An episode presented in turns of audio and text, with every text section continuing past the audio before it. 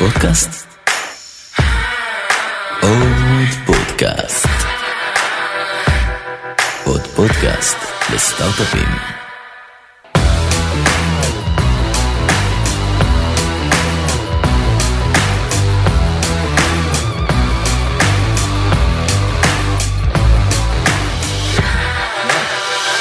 היי, אהלן, בוקר טוב. בוקר טוב יובל, מה שלומך? אני סבבה. יופי, נמצא איתנו כאן, קודם כל ברוכים הבאים, אנחנו בפרק ראשון של עונה רביעית, ואולי נשארתם איתנו עד שלב זה, שזה... שזה כבר מוערך. יובל, כל מי שמקשיב לך עד עכשיו זה אנשים שבאמת אין להם אה, מה לעשות בחיים, כאילו. משתדל שיהיה ספתח שאנשים יהיה להם טעם של עוד ולא יעזבו פה. נמצא אותנו כאן יובל טל, הוא מייסד ונשיא של חברת פיוניר. יובל, ספר קצת על עצמך, על הרקע שלך ועל החברה. אמ, אז כן, כמ- כמובן בוקר טוב. אמ, בוקר טוב למי שמאזין, או שלום למי שמאזין. אמ, הרקע שלי הוא אה, באמת, אה, צבא 669, אחרי זה לימודי הנדסה, תואר ראשון ושני, לימודי אה, תואר שני מנהל עסקים בהרווארד, ועבדתי בעצם בקריירה המקצועית שלי כמעט רק בסטארט-אפים, תקופה קצרה עבדתי בסאייטקס כשהיא הייתה חברה גדולה, אבל בסך הכל סטארט-אפים. אה, ועשיתי את רוב התפקידים. עבדתי כמהנדס, עבדתי כמנהל אה, שיווק, עבדתי כמנהל מוצר, ואחרי זה עבדתי כמנכ"ל כתקופה קצרה בסטארט-אפ של יוסי ורדי ובני שטיימנט, אה, ואז הקמתי ב-99 חברה שנקרא Borderfree. ניהלתי אותה חמש שנים, ואז אה, התחלפתי מי שהיה מנהל המכירות, אה, והחברה נדפקה בנסדק ב-2014. אחר כך היא נמכרה החוצה מנסדק לחברה שנקראת פיטני בוז. אמ, ואז אם אני חוזר אחורה בזמן, כשהתחלפתי בתור מנכ"ל, הקמתי את חברת פיוניר, אה, גם אותה ניהלתי חמש שנים, ואז אה, התחלפתי עם אה, סקוט, שהיה חבר שלי, עדיין חבר שלי, והוא היום המנכ"ל של, של פיוניר. זהו, פיוניר זו חברה שעושה העברת כספים בין חברות בעולם. הנקודה הקריטית היא בין מדינות. ומאפשרים לחברות אה, לשלם בצורה מאוד מאוד חלקה, זולה, נעימה ופשוטה בין מדינות כאילו זה היה מקומי. אה, איזה נישה? נישה בתוך הפינטק, אה, נישה מורכבת מאוד מבחינת הרגולציה והרבה מאוד צרות והרבה מאוד צורות תשלום והרבה מאוד, כל מדינה יש לה את כל השטויות שלה. וכשאתה רוצה לשרת 200 מדינות זה יוצא חתיכת ספגטי מורכב.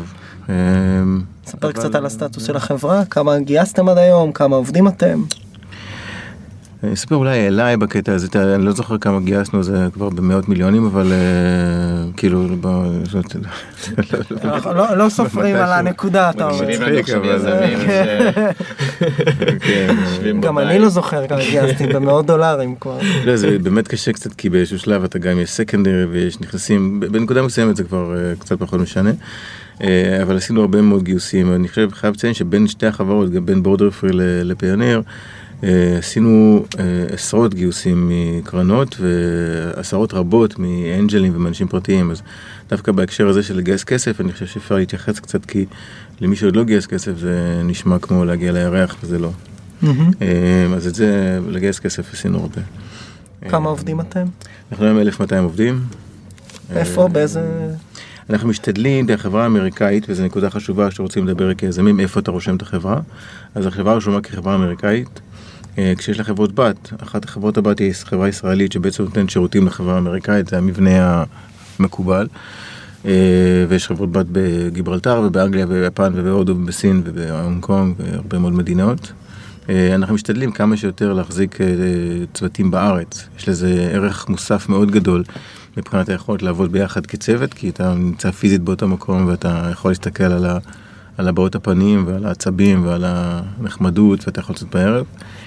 אה, אבל גם משהו מעבר לזה, גם אה, משהו בישראליות הזאת שאפשר כאילו, כששמים כמה חבר'ה ביחד אפשר לתקתק דברים אה, יותר טוב. גם כי התרבות הישראלית וגם כי יש פחות פערי תרבות ואפשר להעביר הרבה יותר, אתה לא מפספס המון ניואנסים ורמזים.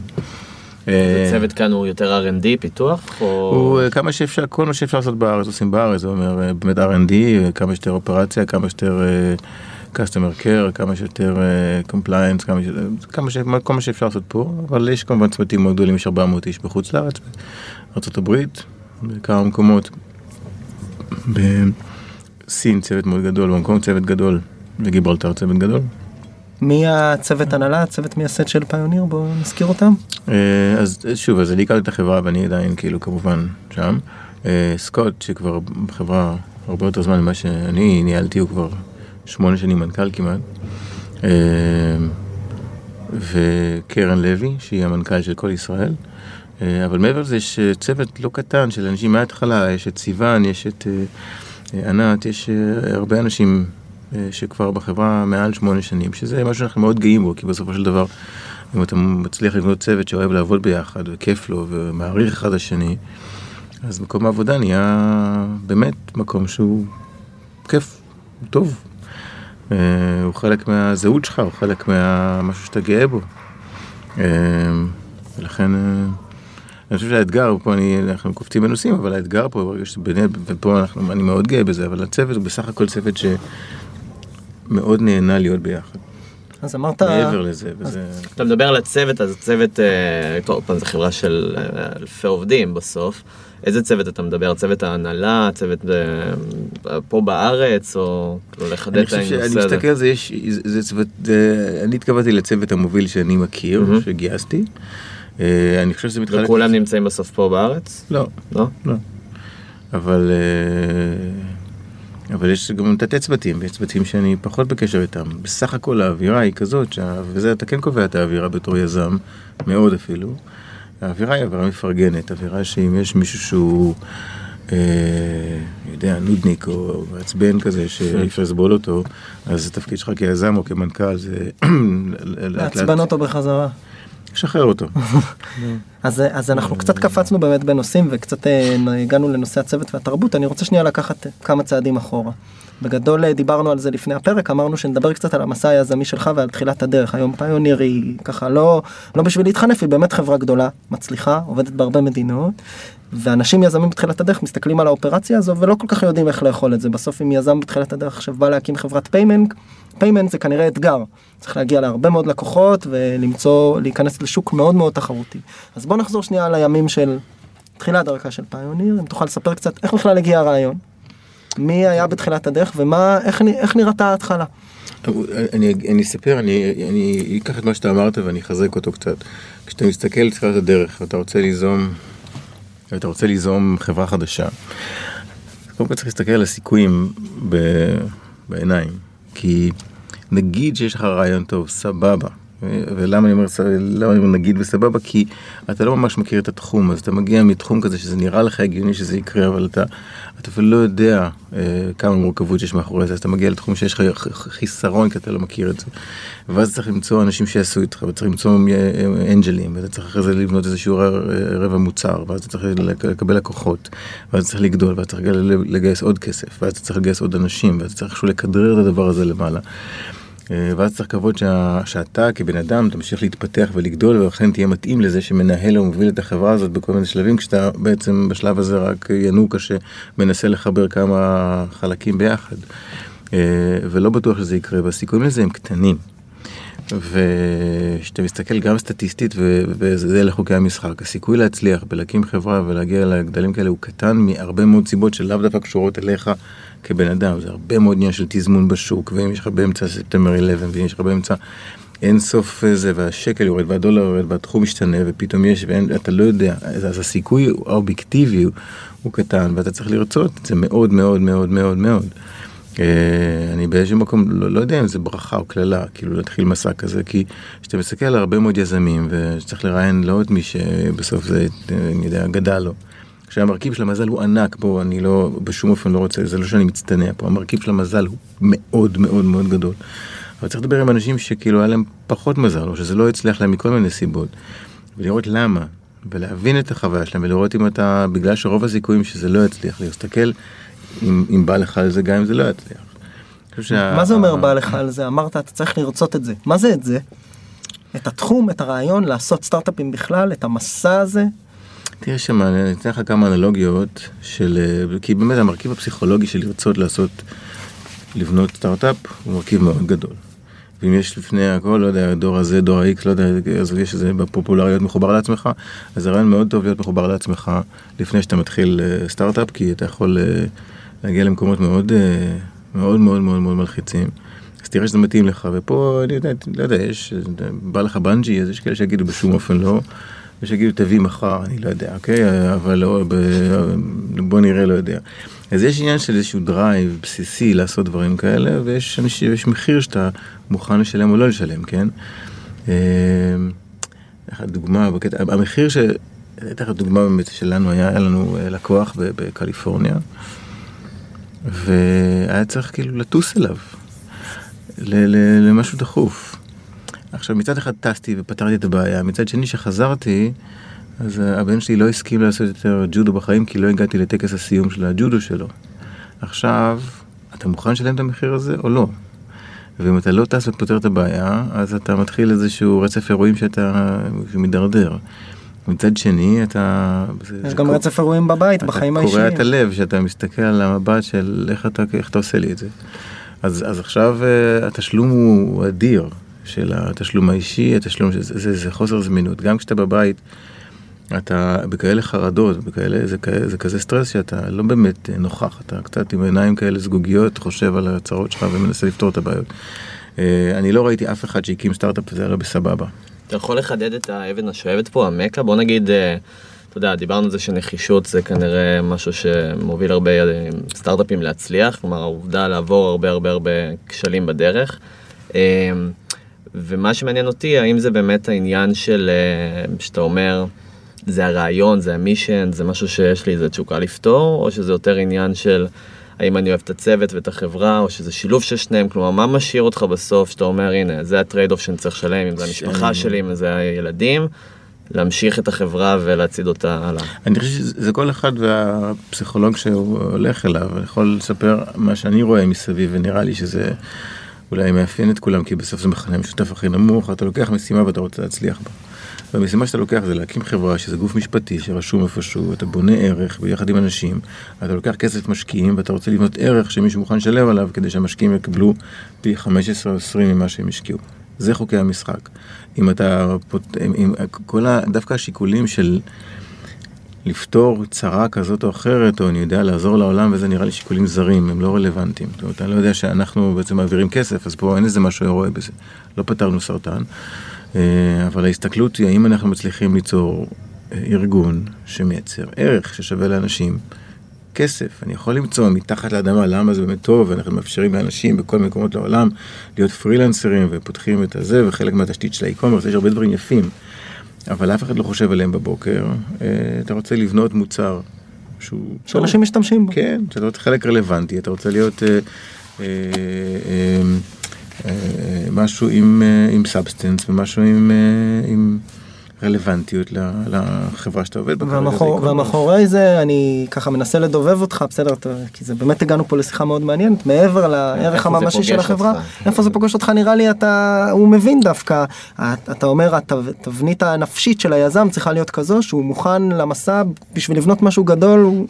whatever it will be כאילו זה לא זה יכול להיות כן. זה יכול להיות לתרופה לסרטן. זה לא כזה משנה נכון אני לא חושב שמשנה כל כך המוצר משנה ה-drive ה-drive יכול להיות הרבה סוגים יש כאלה שרוצים להוכיח לא יודע למישהו שהם כן שווים וכאלה זה לא, זה לא משנה יש כאלה שהם נרקסיסטים והם רוצים זה לא אני לא, לא יודע אם המוטיבציה עצמה אם הבסיס של המוטיבציה יש פסול או לא פסול.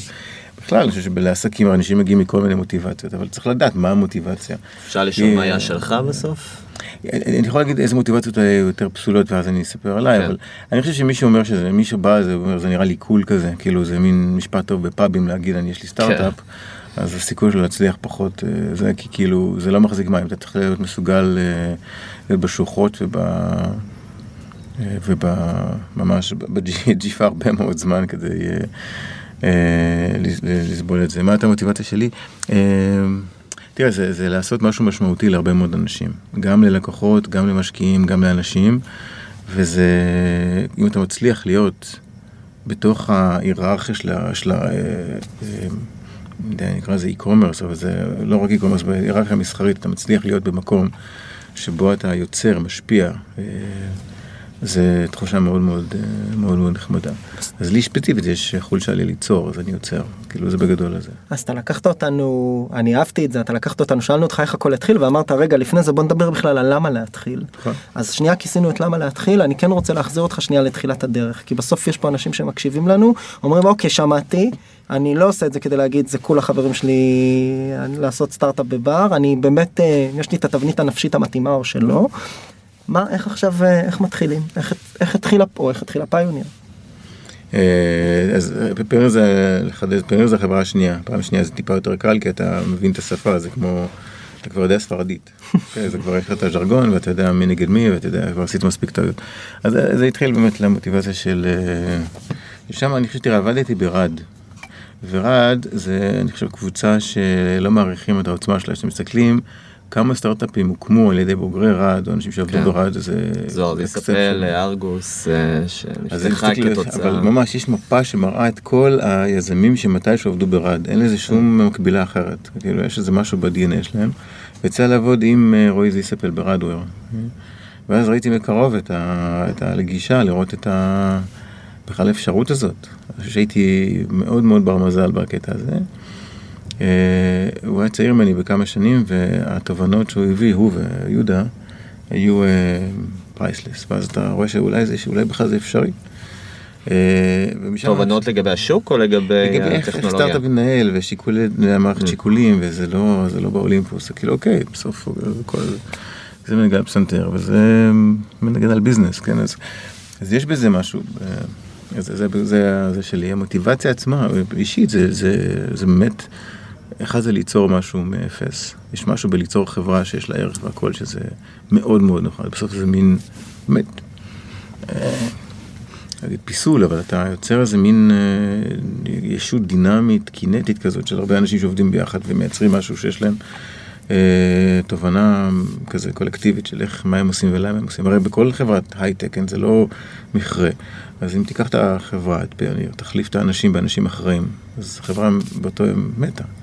זה, זה, זה אנשים שבאים ביחד, יש להם שפה משותפת, יש להם רעיון משותף, יש להם תובנות, יש להם ערכים. יש להם תפיסה של אה, שירות לקוחות, יש להם תפיסה של בנייה, של שיפור, אה, ו- והדברים האלה ביחד אה, עושים, עושים משהו מאוד מאוד מאוד יפה. אז לי זה היה ככה.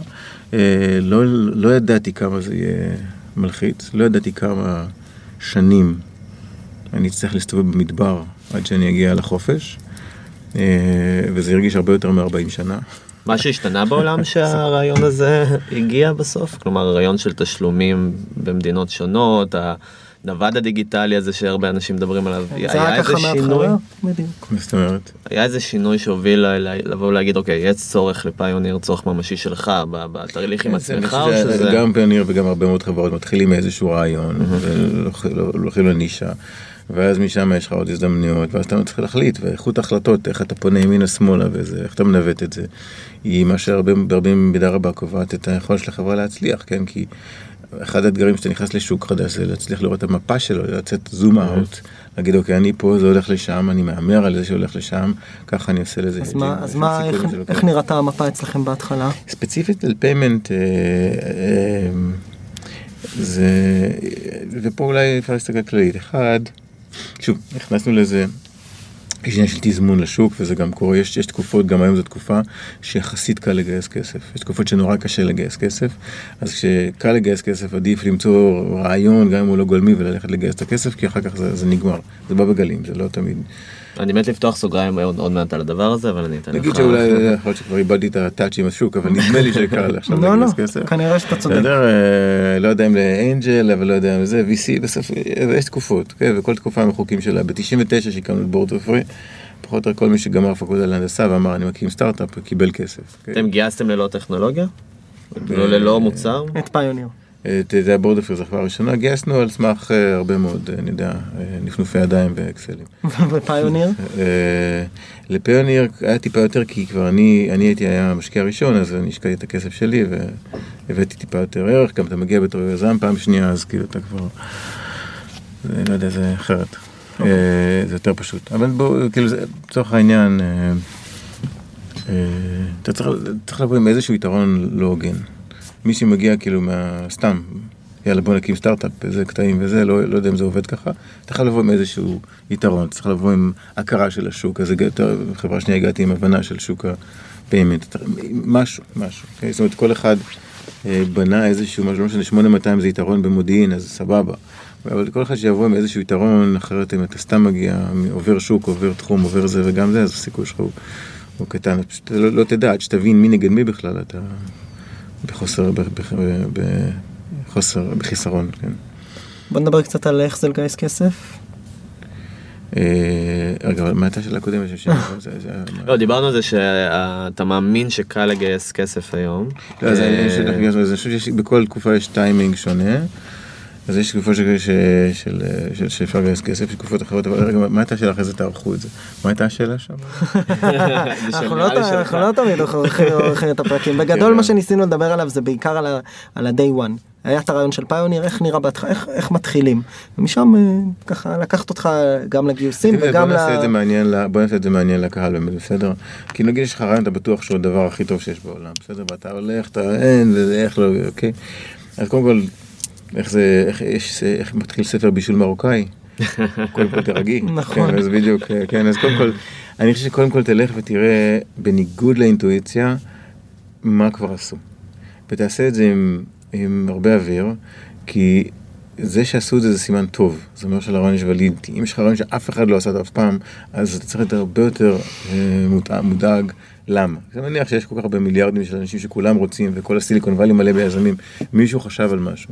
אז צריך לראות אה, מה יש שם בחוץ. אם משהו היה שם משהו ונכשל, אז לבדוק למה הוא נכשל. והחודשים האלה שאתה יושב בבית ובודק למה זה נכשל, למה זה הצליח, למה הרעיון שלך רלוונטי, למה לך יש סיכוי יותר טוב להצליח, למה גם אתה תצליח וגם לא, ושואל הרבה מאוד אנשים, ומתלבט בלי, בשלב הזה לא הייתי הולך עם טנסטי והולך שובר קירות. פשוט לוקח שנייה וחצי או כמה חודשים, לפני שאתה לוקח כסף מאנשים, לפני שאתה מוציא את כל האנרגיה, תסתכל רגע שאתה באמת מבין את המפה. וזה בניגוד לאינטואיציה, כי אתה לא רוצה לראות את זה, וזה מבאס טיחו, ואתה כאילו הולך, ואז יאללה, טוב, כבר עשו את זה, אז אין לי מה לקום בבוקר, ונו, אז הלך הרעיון, ולחיות עם הרולר קוסטר הזה. זה דבר ראשון. דבר שני, ואני רואה את זה המון, כשאנשים יש להם רעיון, אז דבר ראשון שהם רוצים, יש נגיד שהם באו עם, זה משהו יזמי, הם מוצאים מישהו טכנולוגי, יאללה בוא נקים ביחד חברה. כשיש לזה משמעות פסיכולוגית בזה שנורא קשה להקים לבד, כי אז אתה כאילו מין כזה... אבל אז יוצא שבעצם החירש נשען על העיוור כדי לחצות את הכביש, זה לא, לא כן. לא מגיעים לשום מקום. וזה לא שזה זה, כי הסיכוי שאתה בתור זוג או שלישייה תתפתחו באותו קצב ותהיו רלוונטיים לחברה לאורך שנים הוא מאוד קטן. ואז מה שיוצא שביום ההקמה של החברה כבר יש תאריך תפוגה לשותפות הזאת. ואז אתה יכול לסבול את זה בשקט שכל אחד יש לו את אותו equity, אבל ה cap table של החברה, כל הדף מנהל של החברה כבר מתחיל מקולקל.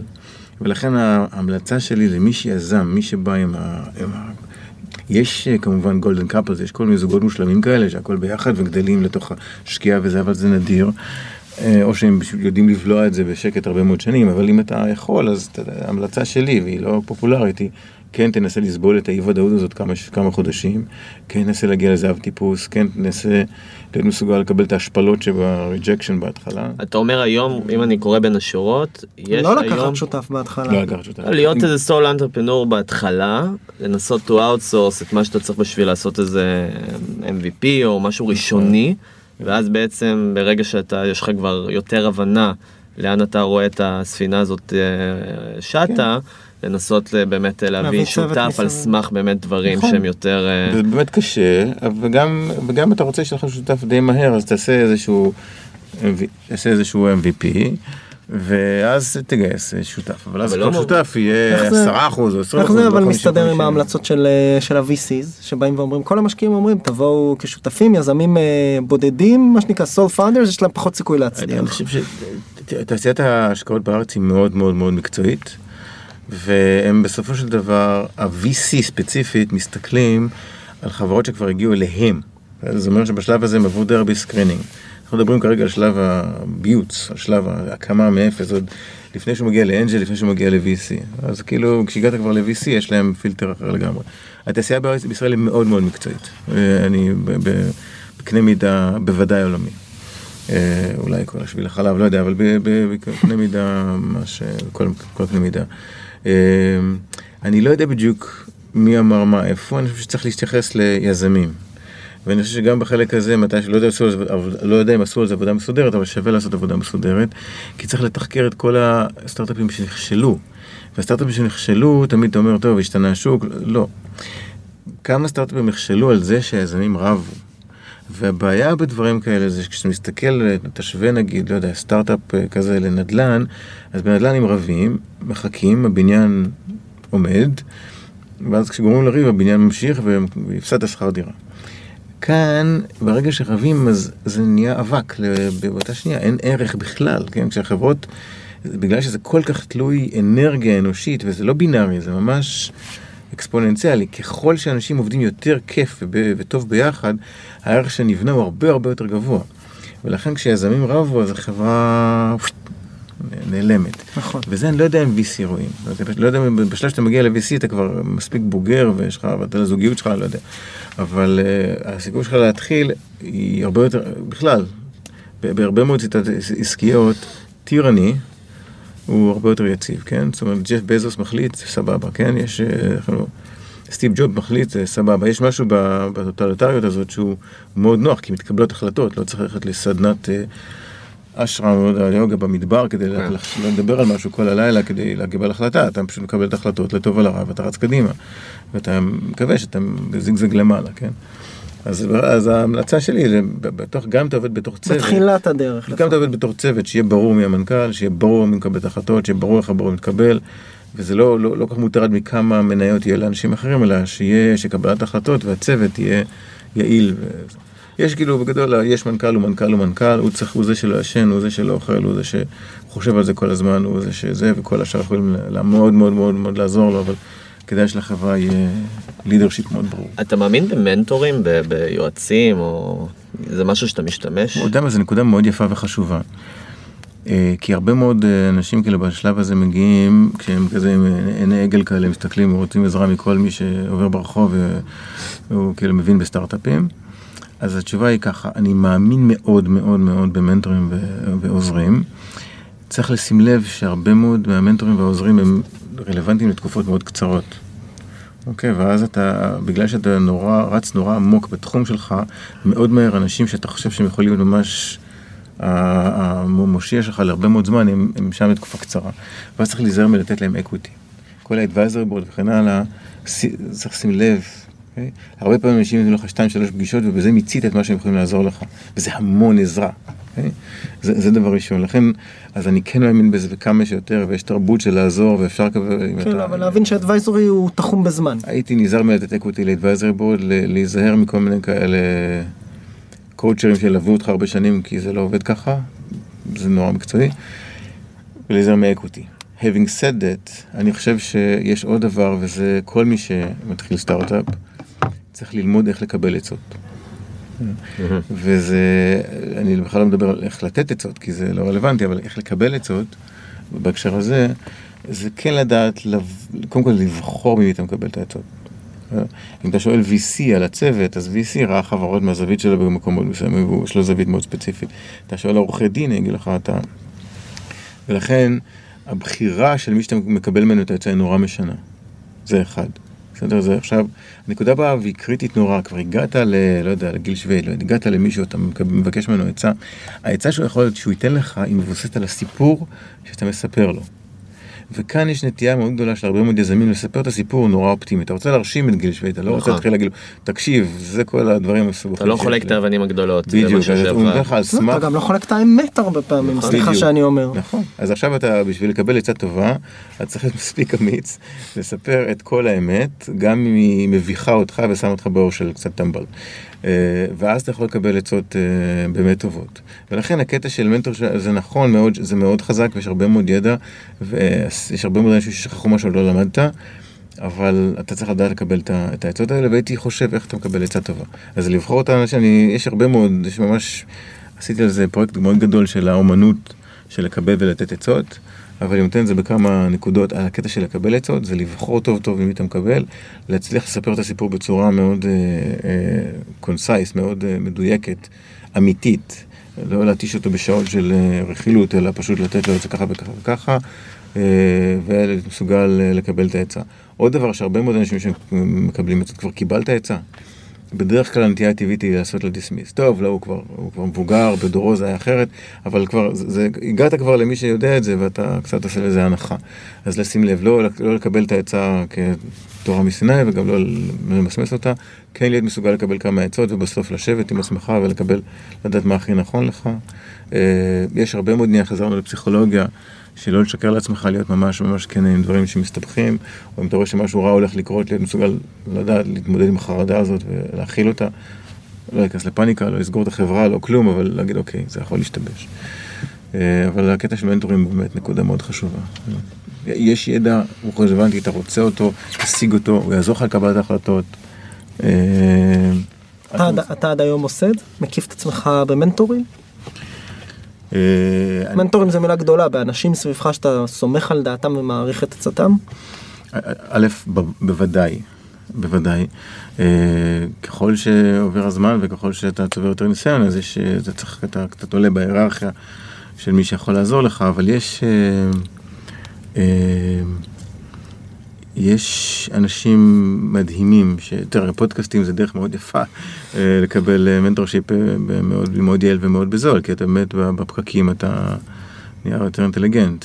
אני חושב שספציפית עכשיו, אנשים שאני לומד מהם זה אנשים שיודעים לתאר ולהגדיר סיטואציות ומצבים בצורה מאוד מדויקת. וכאילו זה הדברים שאם הייתי ממליץ עכשיו לאנשים, זה להיות מסוגל גם במצגות וגם בהרבה מאוד סיטואציות, בין עם העובדים ובין עם המשקיעים, זה להיות לבוא ולדבר נורא נורא מדויק. כן, הייתי נותן משהו אחד. מה זה אומר נורא מדויק? כי זה רלוונטי גם לגיוס כסף. נכון, מדויק זה במובן הרחב של זה, זה לא רק, ש... כמובן שהמילים יהיו מדויקות, ושה... אם אתה עושה פרובוקציה, שהפרובוקציה תהיה מדויקת, תבחר את הפרובוקציה טוב, כן? אם אתה נותן דוגמה של, לא יודע מה, אני מביא דוגמאות מהחבובות, אז כאילו, אתה יכול לקחת את הסיטואציה בדיוק, אה, כן, זה מעלה את החיוך ברמה המדויקת, וזה אה, מתאר את הסיטואציה בצורה כזאת שהיא גם מדויקת וגם במקרה של זה מעל החיוך. אבל גם לבחור את המילים, אבל גם לבחור את האנרגיה, לבחור את התקשורת, להתאים את התקשורת, להיות קשוב למי אתה נמצא מולו, כן? זאת אומרת, אם אתה מגיע למשקיע חרדי, אז אולי לא כדאי שתדבר על הבייקון. יש איזה, כן, אז יש הרבה מאוד ניואנסים של להיות אה, קשוב ושל להיות... אה, לעשות אדפטציה בעצם נכון, לאנשים שאתה מדבר איתם. נכון. Mm-hmm. להיות מסוגל ליצור קשר עם האנשים הנכונים, בזמן הנכון, בתדר הנכון, במה שבא להם, לשאול שאלות. אז הדיוק, שהוא דיוק במובן הרחב, של המילה, הוא נראה לי כאילו בזה משהו שהוא כללי, זה עוזר מאוד לגיוס כסף. איך זה הולך ביחד עם למכור חלום? כי בסוף אתה אומר, וואלה, אין לי מוצר, אין לי טכנולוגיה, אין לי גם, אין לי גם שותפים. בסוף אני צריך למכור, יש איזה פערי דמיון כאן בסוף, ואנחנו צריכים להעביר את הדמיון שלנו יש, ה vision שלנו יש, לאנשים שהם, אתה יודע, אנליטיים מאוד, ולאו דווקא רואים את ה... את לאן אתה רוצה להגיע, איך אתה מוכר מצד אחד חלום, אבל גם מדויק וגם ג'ניאן וגם, אתה יודע, כל הדברים האלה ביחד. גם פגיע וכן. כן, כן. אני אקח את הדוגמא הקודם שמדויק. כן. אני אקח את הדוגמא שמדויק. אז אתה הנחת, עשית, אמרת הרבה דברים במשפט הזה. אתה מניח שאתה מוכר חלום, ואתה מניח שמי שנמצא מולך הוא מי של מספרים ומדויק. וזה לא תמיד ככה. נכון. אוקיי, זאת נכון. אומרת, אה, אם אתה מגיע מתחום, אם אתה מוזיקאי ואתה מתחיל מגיע, מגיע מתחום של מוזיקה, אז אתה לא בדיוק מוכר חלום, אתה די יודע מה אתה הולך לעשות, כן? אתה עשית את זה בסוני ועכשיו אתה עושה את זה פה, אז זה לא תמיד חלום, אז אני בכוונה אומר, זה קצת משנה מה הרעיון, זה אחד. שתיים, אני חושב שבייחוד בשלבים הראשונים, שזה השלבים של, אה, שצריך אה, יותר חלום, זה באמת השקעה רומנטית, זאת אומרת, הרבה מאוד מהאנג'לים שמשקיעים כסף עושים את זה על סמך החלום. לצורך העניין, אם אתה מתחיל להראות להם אקסלים של כמה הרווחת, זה יוצא פתטי, אתה רוצה למכור חלום. כן, כן. כן. אתה מעדיף להישאר בחלום כמה שיותר זמן, לחלום אין מחיר. כן, בסדר. 20 שקלים בסוף החודש. בדיוק. אתה זירו רבניו, אתה זירו רבניו עד שאתה 100 אלף דולר. בדיוק. בסדר, אז בעיקרון עדיף להיות זירו רבניו ולמכור חלום כמה שיותר זמן לפני שאתה מתחיל להימדד לפי אה, פרמטרים של אקסלים. אה, אבל גם כן, כשאתה פוגש, הנה בבקשה, אתה רוצה, אתה מגיע לאנג'ל ואתה רוצה שהוא יכול להשקיע או לא להשקיע.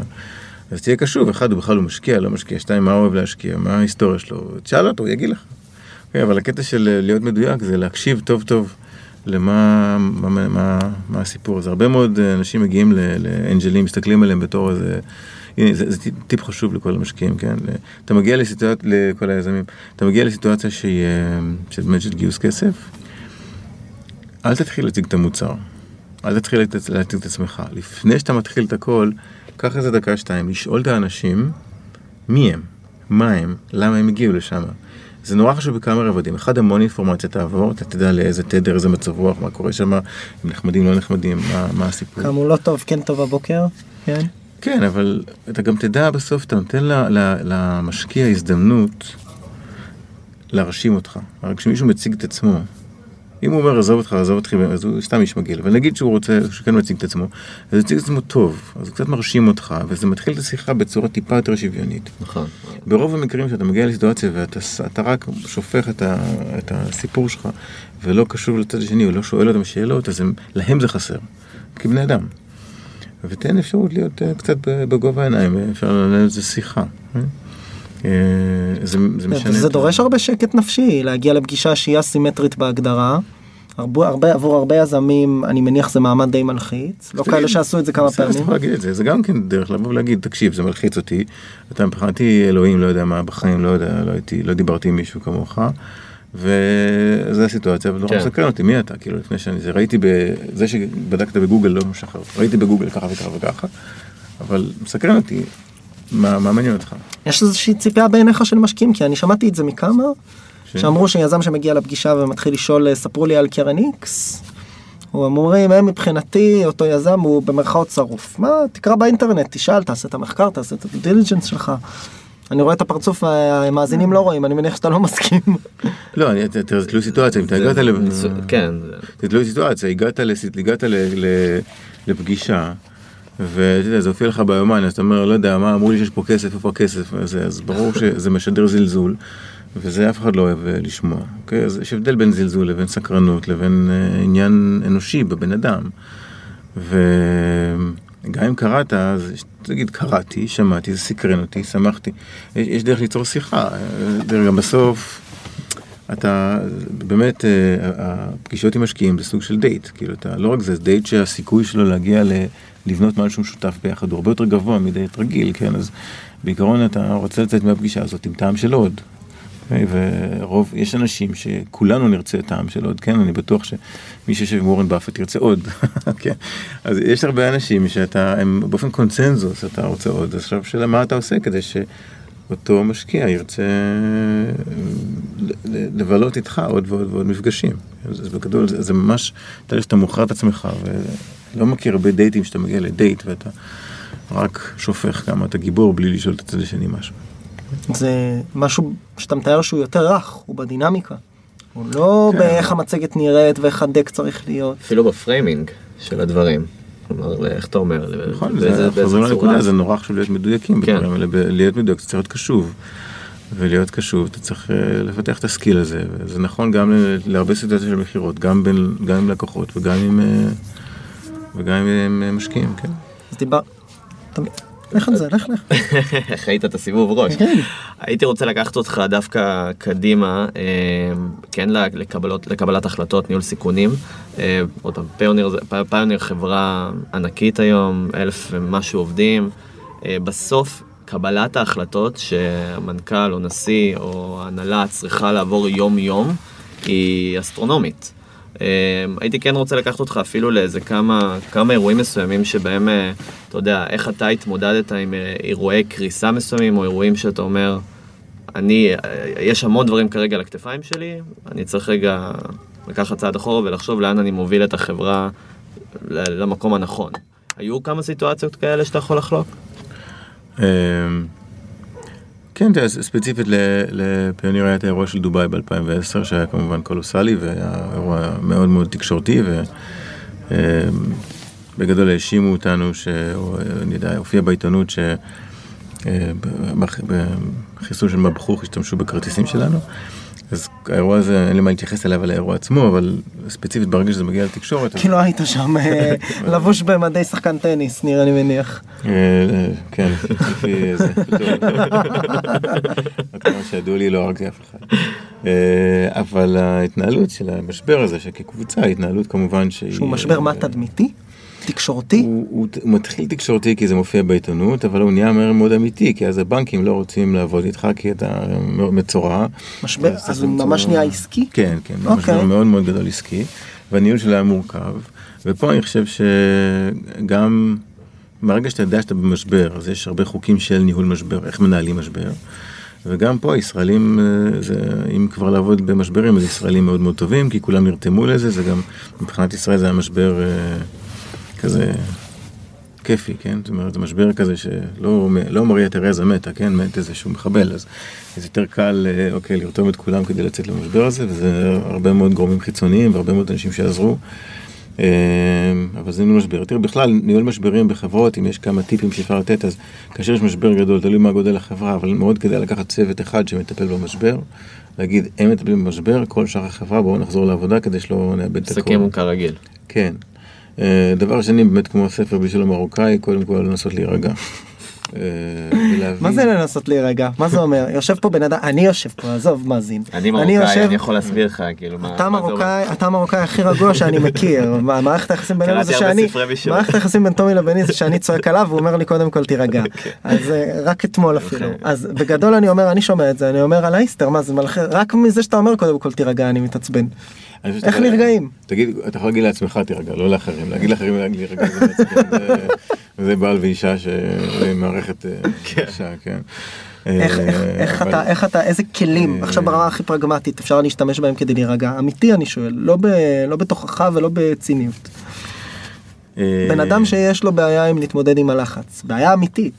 חרדות, מה זה בעיה? חרדות, אמיתית? אנשים זה, בתחילת הדרך, מנסים זה- לגייס, אומרים להם לא, לקוחות אומרים לא, השותפים עוזבים, הכל קורס. מה, ויש, אז- או, או הכל עובד טוב ואז מתחיל משבר עסקי כזה. מה עושים? איך ניגשים לזה ברמה האישית? אה, יש שם, שוב, זה- זה מבנה פסיכולוגי ואיך אתה מתמודד פסיכולוגית, לגב- כי דיברת על לחץ אה, נפשי, לא דיברת על אה, הרבה עבודה.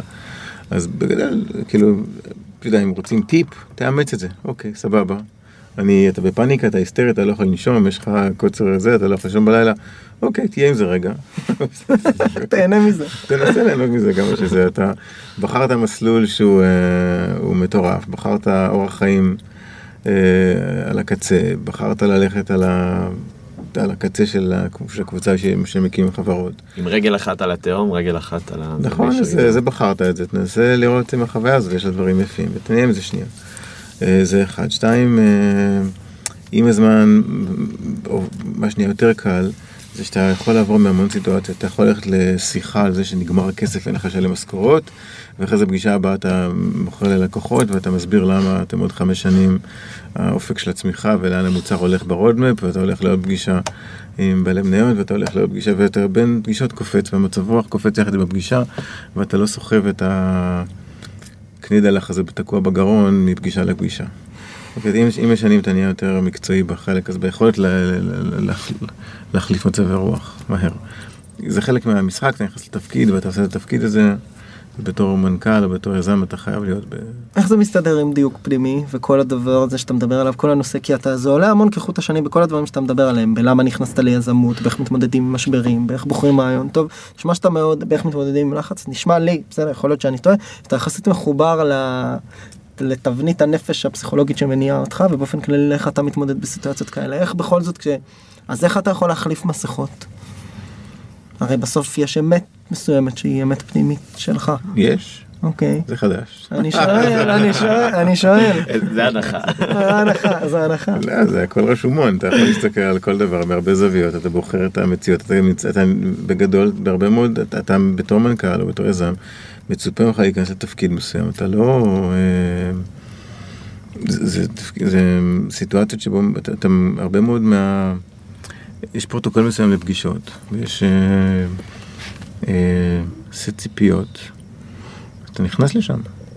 עכשיו, ברור בכל שאתה עושה, בין אם אתה מוכר למשקיעים ובין אם אתה מוכר לחברות, הם יודעים שיכול להיות שיגמר הכסף והחברה תמות. אין לך מה להגיד להם, תקשיבו, אני חושב שהחברה הולכת למות כי ייגמר הכסף. אין לך מה לשתף אותם, את, החרדות שלך בפגישת מכירות.